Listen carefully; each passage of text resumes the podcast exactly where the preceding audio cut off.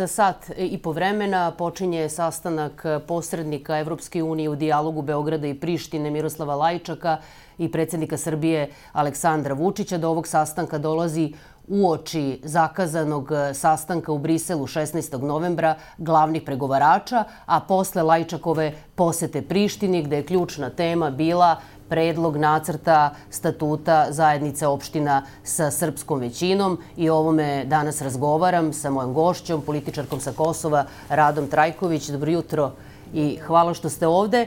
Pre nego što popričamo o ovome, želela bih prosto e, nekoliko stvari da pomenemo. E, ne prođe dan da se ne dogodi e, neko nasilje. Ovo jutro također nije izuzetak, ova noć nije izuzetak. Imamo bavanište, imamo upad na tribinu e, na tribinu u Zrenjaninu e, inicijatora proglasa.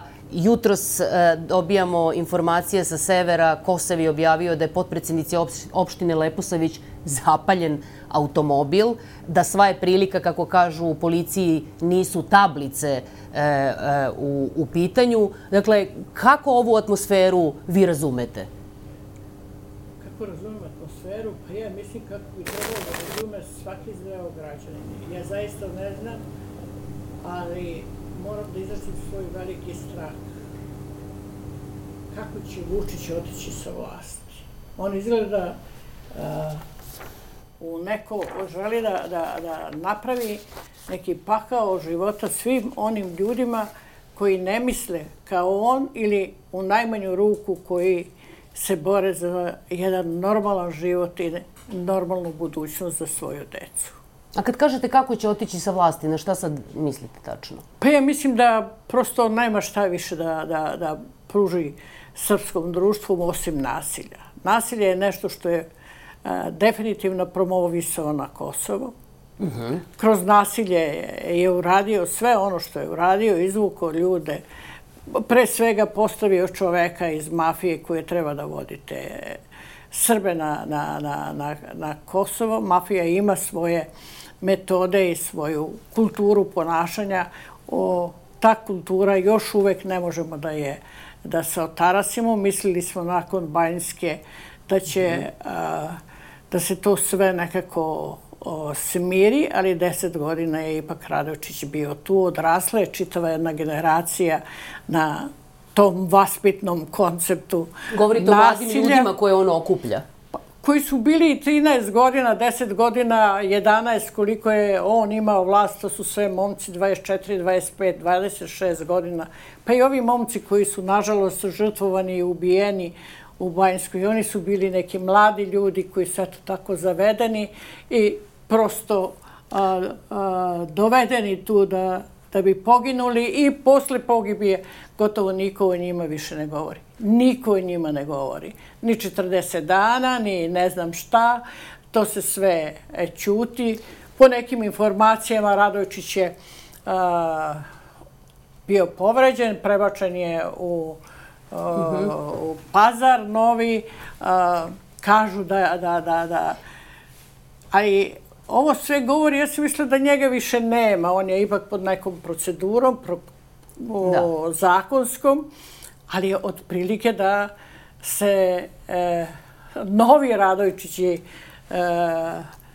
imaju svoje zadatke i nastavlja se ista pa, to, strategija. To hoću da vas pitam, da li je, kada govorimo, ajde sad o, o severu Kosova, imamo ovu, ovu informaciju od jutros, imamo svaki dan neke informacije o tome šta se dešava u smislu nasilja, u smislu strahova ljudi, u smislu toga da, da život ne funkcioniše iz milion razloga kako bi trebalo da funkcioniše. E, da li je situacija posle Banjske gora nego pre Banjske ili je bolja nego pre Banjske?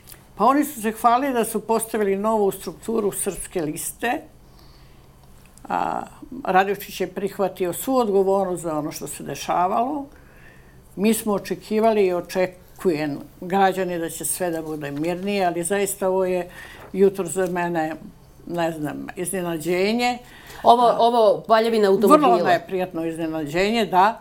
Ali njoj znači, su i pretili i ranije toj ženi. Pa sve jedno. Ja sam mislila da uh, glavni inicijator uh, pretnji jeste Radovičić, ali od, od prilike da je to postalo je jedna šira kultura ponašanja među građanima i da će trebati vreme da se prosto stanovništvo demilitarizuje mentalno u smislu i demokratizuje u smislu prihvatanja ljudi koji drugačije misle. A šta, šta može da pomogne e, da se to dogodi? Dakle, šta je od pomoći na severu Kosova da se dogodi ovo o čemu pričate? Pa ne znam šta je od pomoći. Da li ove inicijative? Ovo... Pa ako vidite da se slično dešava nasilje svuda na severu nad ljudima poljoprivrednicima koji su jedni potpuno samostalni u dobroj meri od države. Oni proizvode za sebe, ne gube radna mesta, imaju svoje prohteve prema državi koji su regularni, koji su obećani i vi postupate mm. na ovaj način.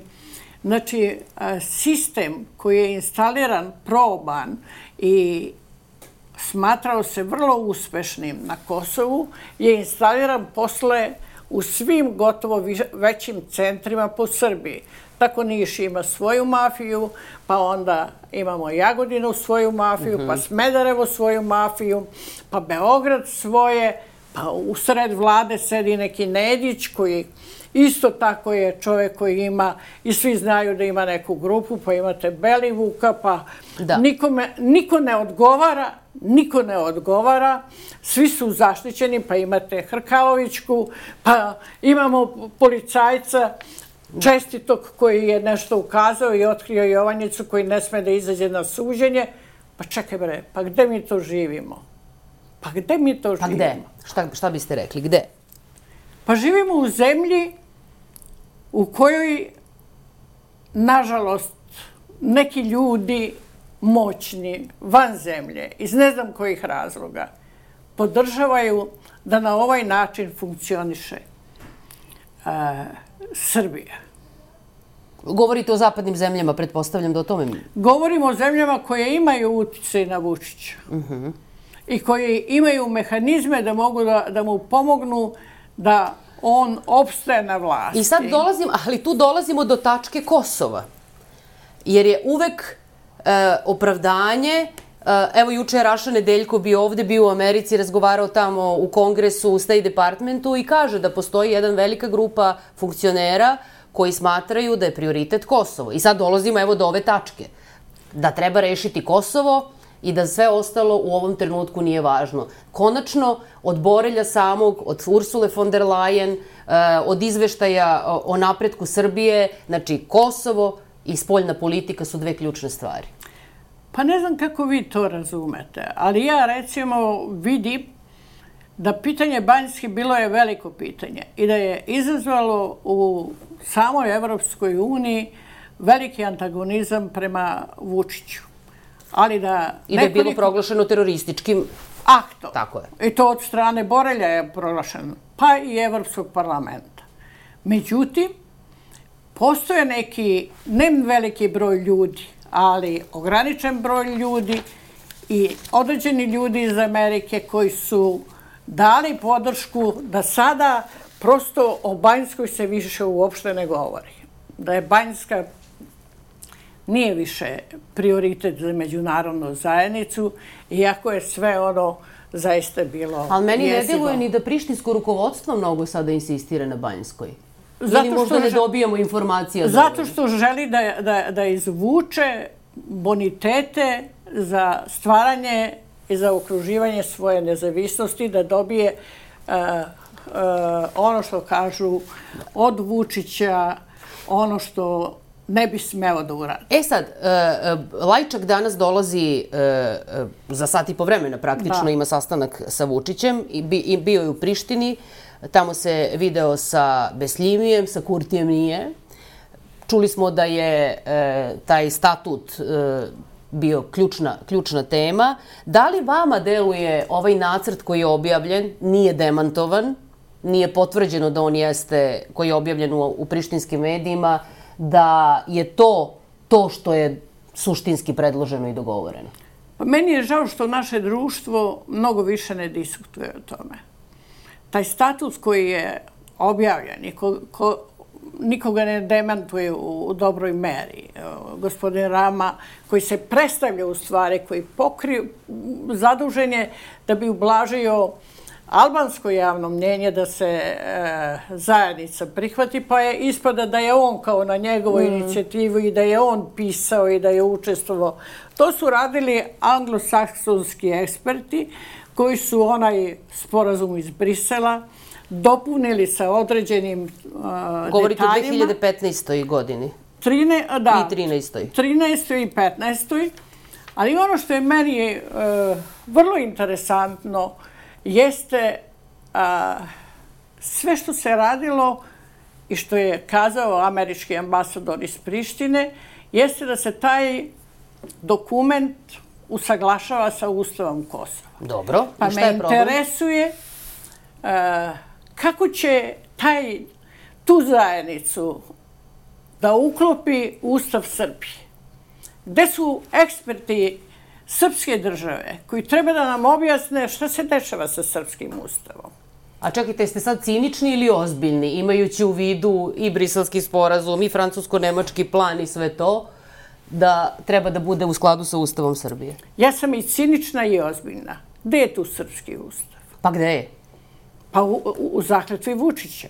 A tako? Pa gde je taj, taj, taj srpski ustav? Kako će taj srpski ustav da prihvati zajednicu srpskih opština? A, a, a kako će e, da ga institucionalno a, integriše u sobstveni ustav? I da li će da ga uopšte integriše? I šta, šta se tu dešava? Dobro, ali ako mi imamo situaciju da su, sad, sad su izašli Srbi iz institucije, ali iz, iz Eh, republičkog eh, iz parlamenta Kosova nisu da se polaže zakletva tamo na ustavu Kosova, je li tako? Da. Pa zar vam to nije odgovor? Pa nije jer zvanično Ustav Srbije to ne priznaje.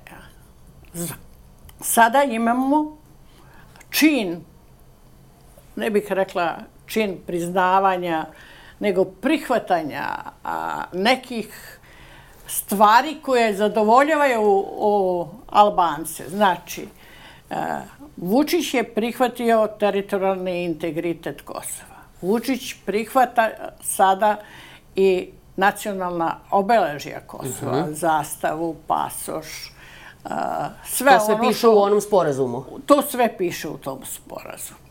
Dakle, Vučić prihvata sve ono što je u suprotnosti sa Ustavom Srbije. Vučić prihvata... I šta ćemo sad? Pa to je pitanje za sve nas u stvari. Mislim, šta, Vučić šta radi na dokumentu koji je direktno u suprotnosti sa Ustavom. Dobro. I kao takav, on zaista bi morao u svakoj normalnoj državi da snosi posljedice. Sada su izmislili da ne bude insistiranje na de jurove priznavanje de facto. I sa tim de facto priznavanjem pokušavaju da unutar Evropske unije obezbede u stvari da ove zemlje koje nisu priznale Kosovo, da one na glasanju ne glasaju za, za priznavanje, ali da prečutno prihvataju da integrativni procesi unutar Evropske unije Kosova Dobro. idu polako. E sad, me, mene zanima sad uh, uh, kuda vodi sad ova vaša konstatacija, imajući u vidu da ste i vi sami bili integrisani tamo u institucije, je li tako? I bili ste deo i vlade. Dakle, vi se protivite ovome što Vučić radi ili mislite da su procesi odmakli toliko da nema kuda, nego tuda? Pa ja mislim da procesi su otišli suviše daleko. A uh, ono što rade Srbi na Kosovo, oni moraju, oni prihvataju dokumenta, oni prihvataju, e, legalizuju sve ono što, što na Kosovu izdaje kosovska administracija da bi mogli da funkcionišu. Oni plaćaju porez Ali treba osuđivati zbog toga? Ne, pa. jer oni drugačije ne bi mogli da opstanu. Bili bi stalno na udaru zakona i trpeli bi posljedice koje podrazumavaju kažnjavanje, izolaciju, zatvori i ne znam šta. Ako je već takva realnost, da li tu država mora da isto tako priznaje ono što prihvataju Srbi na Kosovu da bi opstali. Pa e, sad recimo evo ove tablice su mi pale na pamet e, jer je e, Kosevu, komandiru policije da. koji je dao izjavu Kosevu, on je rekao da misli da nisu tablice na automobilu, registarske tablice na automobilu podpredsjednice opštine razlog što je upaljen automobil. Ali recimo te tablice pre dve godine tablice su bile uzrok čitavog niza deš, dešavanja, izlaska iz i tako dalje. A danas ljudi stoje u redu da registruju automobile. I sad, ajde mi objasnite sad ja tu logiku. Se, ja se radujem kada vidim ljude da čekaju, znači žele da ostanu. Uh mhm. -huh. Zvanično, iz izvora vrlo bliskog administracije Kejfora, koji su mi kazali 38.800 Srba se iselilo. Znate li da ova... Sad, u poslednje vreme? U poslednje vreme. To je ogromno iseljavanje stanovništva. Znate li da ovaj statut, ove zajednice srpskih opština, ima elemente, iako govore da u Evropi, i znamo da u Evropi ima različitih evro, uh, modela, autonomija modela, mi imamo da se provlači model sami koji u Švedskoj domorodačka zajednica sami je dobila pravo na skupštinu. Zar smo zaista pali na taj nivo? Pa dobro, što? Oni su manjina u Švedskoj. Ne, oni su domorodačka pa zajednica. Mi smo konstitutovan narod. Oni imaju prava na kulturnu autonomiju. Da bi sačuvali jezik, identitet i svoje specifičnosti. I sad, a kako vam se čini ovaj predlog nacrta? On ima... Ono što smo zadržali, to smo zadržali. Zdravstvo, Mi lekari i prosvetni radnici zaista smo o, junački branili, što bi kazali, sistem zdravstveni i prosvetni. I on je ostao, ima tu kao nešto da će, ali u principu mislim da nema se snage da se on promeni osim onakav kakav jeste, da bude i dalje u sistemu u Srbiji. E, to, to sam htjela da pitam, da suštinski mi deluje na osnovu ovog predloga da taj sistem, ta mreža zdravstvenih ustanova, vi ste konačno bili direkt, bila da. direktorka uh. Doma zdravlja u, da. u Gračanici, sem što će se u pravnom sistemu uh, Kosova tretirati kao privatna jel da, mreža, da će to u suštini biti isto ovo što je i bilo tu ili ne? Tu se neće ništa promeniti. -hmm. Tu se neće ništa promeniti. Ja sam sagradila i a, o Simunidu i porodilište i interni deo u, u, u Račanici i dom zdravlja. Sve smo to sagradili posle rata i pomagali su i lekari sveta Francuske i grčka vlada i u, u dobroj meri i prva je grčka vlada i porodilište koje smo gradili sa donacijama međunarodne zajednice. Dakle, ceo taj sistem mi smo preuzeli i tu rade srpski lekari, tu rade srpski profesori i taj sistem se neće rušiti i on će i dalje pružati usluge koje smo mi uspostavili Dobro. odmah posle sukoba. I sad, da li, da li vam ovaj nacrt deluje bolje u odnosu na ono što je dogovoreno 2015. onim sporazumom briselskim gde se zapravo razrađivalo? Ne, on ne deluje bolje. Sigurno da se sve detalje još, ne, još uvek da. ne znamo. Ali je, mislim da, vidim da Kurti se hvali da je sada bolje, da su neke stvari uh mhm. -huh. promenjene. Ne znamo u kojoj meri je i šta promenjeno. Znam da se da, da, da ono što, što Ustavni sud Kosova nije dozvoljavao, a to je da se ingerencije i nadležnosti lokalne samouprave ne menjaju. Znači, nema... Uh mhm. -huh. a, zajednica nema pravo na neke lokalne izbore, raspisivanje, što znači da pokušavaju da zadrže lokalni nivo samouprave i da... Na nivou opštine, u stvari. Na nivou opština, da one treba da daju javni mm. pristanak da uđu u zajednicu.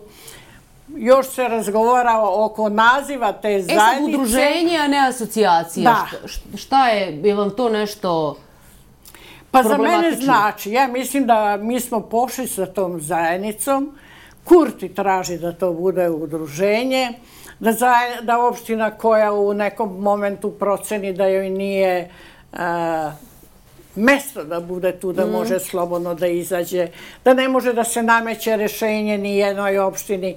To je niz nekih finesa, da će se taj proces pratiti pet godina, da će predstavnik Evropske unije biti postavljen i nadležan za implementaciju sporazuma, a onda se postavlja pitanje a šta će biti sa misijom Ujedinjenih nacija, a šta će biti sa rezolucijom. Rezolucija se ne može rušiti u Ujedinjenim nacijama, u Savetu bezbednosti, jer tu su Rusi, Pa to je argumentacija i kancelarije za Kosovo, konačno, to, evo ovo što kažete. Šta je, gde je rezolucija, gde je ustav? Ali ako dolazi još jedna institucija, a to je institucija Evropske unije koja će biti ti faktički e, paralelna institucija misije Ujedinjenih nacija na Kosovu, jer će ona nadgledati procese na severu. Mm -hmm. Neće to biti misija da. Ujedinjenih nacija. Da. E, imamo još dva minuta do kraja i imam još dva pitanja. Jedno se odnosi na, sad na, na, na ovaj aktuelni dijalog. Da li mislite da dijalog Beograda i Prištine ulazi u završnu fazu i da li dalje stojite za svoje procene da posle izbora će se desiti možda potpisivanje, možda neki dogovor? Ne mislim da će u skorije vreme e, doći do priznavanja nezavisnosti Kosova u smislu de jure. Ne mislim i ne očekujem da će se potpisivati bilo koji sporazum. Mhm. Ne mislim da, će, da je Vučić spaslac koji neće, koji će odbraniti to. Mislim da Vučić će, e, neće proći ove izbore upravo zbog svega onoga što trenutno radi Srbiji. I drugo pitanje, da, i moramo da završavamo, se odnosi na izmeštanje spomen ploče sa groba palih srpskih vojnika u Prvom svetskom ratu. Ta spomen ploča je bila na e, na njihovom, jel, gde su njihove kosti, njihovi grob, njihov grob, na pravoslavnom delu Prištinskog groblja. Ona je bukvalno izmeštena sa centralne pozicije na sporednu poziciju i to je inicijativa francuskog i nemačkog ambasadora. Da li vam je jasno što se tu desilo i zašto Jedan se to dogodilo? Jedan predivan čovek, francuski ambasador, ja sam mu kazala da se tu nalaze i kosti francuskih vojnika i tradicionalno su Srbi izlazili na to groblje, uvek 11. I on je nakon toga dao inicijativu da se napravi taj memorialni. Sve je bilo ok, dok nije došao ovaj ambasador koji ne znam kako mu je palo da onda gde su srpske kosti pomeri i stavi spomenik sa suprotne strane. Zaista pokušao je da prebaci odgovornosti na opštinsku vlast Prištine, ali na čelu Prištine nalazi se Albanac koji je vrlo odgovoran čovjek i koji nikada ne bi radio. Mm Pa ja bih kazala nivo je vandala zaista da, da uzmete i da a, pomerite spomen ploču, a da kosti ostanu pod drugom pločom. Gospođo Trajković, hvala što ste bili gošća emisiji za vesti televizije N1. Bilo ovo Rada Trajković. Ostanite i dalje uz naš program i Novi dan. Prijetno.